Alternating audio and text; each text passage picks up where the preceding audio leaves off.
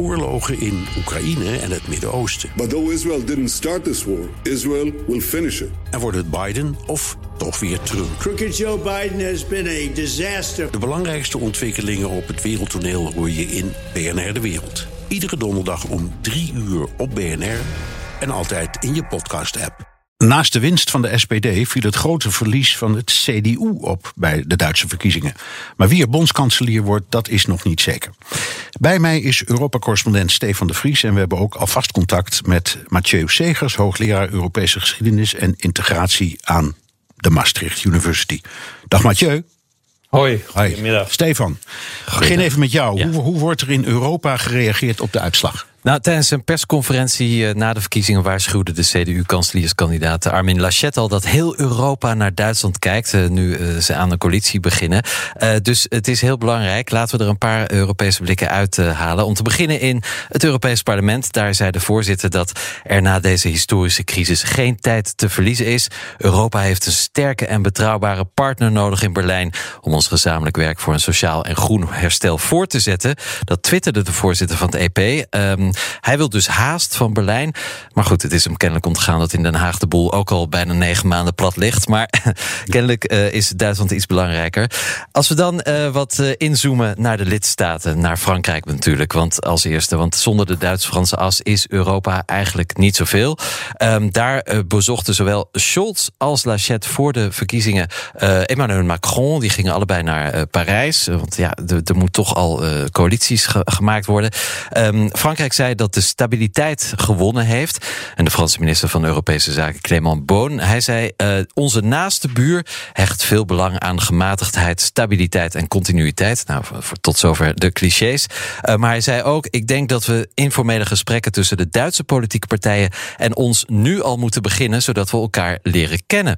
En ja, dat is natuurlijk een interessante reactie. Dat er eigenlijk nog voor de forma- formatie willen de Fransen al gesprekken met de eventuele partners. Ja, ik begrijp dat ze met elkaar flirten, dat is logisch. Absoluut. Ja. Eh, hoe zijn de reacties aan, in de zuidelijke staten? Ja, dat is interessant natuurlijk, omdat eh, ja, iets zuidelijker, Spanje, Griekenland, Italië, daar wordt Duitsland toch eh, vaak beschouwd als de nemesis. Hè, de boeman met de rekenmachine, met de kaasschaaf die, die alle hervormingen doordrukt in het zuiden. Nou, daar zijn de reacties ook gematigd positief. Spanje is bijvoorbeeld ja, behoorlijk blij. De premier Pedro Sanchez, die is ook een sociaaldemocraat, net als Olaf Scholz. Hij was blij met de overwinning van zijn Europese partijgenoot. En ook Spanje wil nu nauwere banden met eh, Duitsland. Eh, Sanchez zei: We hebben nu de mogelijkheid om verenigd te zijn in de kleur en de richting van onze regeringen. Eh, dat zei dus de Spaanse premier. En ja, dat vind ik interessant, want daar zie je dat net als de Franse reactie, eigenlijk dat nationale politiek ook steeds meer Europese politiek aan het worden is. Hè. Je had je 40 jaar geleden natuurlijk niet voor kunnen stellen dat een lidstaat zich zou kunnen gaan bemoeien met de politieke beslommeringen in een andere lidstaat. Eh, dus dat is heel erg door elkaar verweven. Dus over het algemeen ja, zijn de hoofdsteden ja, gematigd positief. Eh, ze zien in Scholz toch ook wel een soort voortzetting van Angela Merkel. Ook al is dat dan een andere partij, de SPD. Maar goed, eh, Scholz zit natuurlijk al heel lang in de regering. Minister van Financiën. Eh, Duitse politieke partijen zijn over het algemeen pro-Europa. Weten hoe Europa werkt. Dus wat dat betreft ja, verandert er misschien niet heel erg veel. Nee.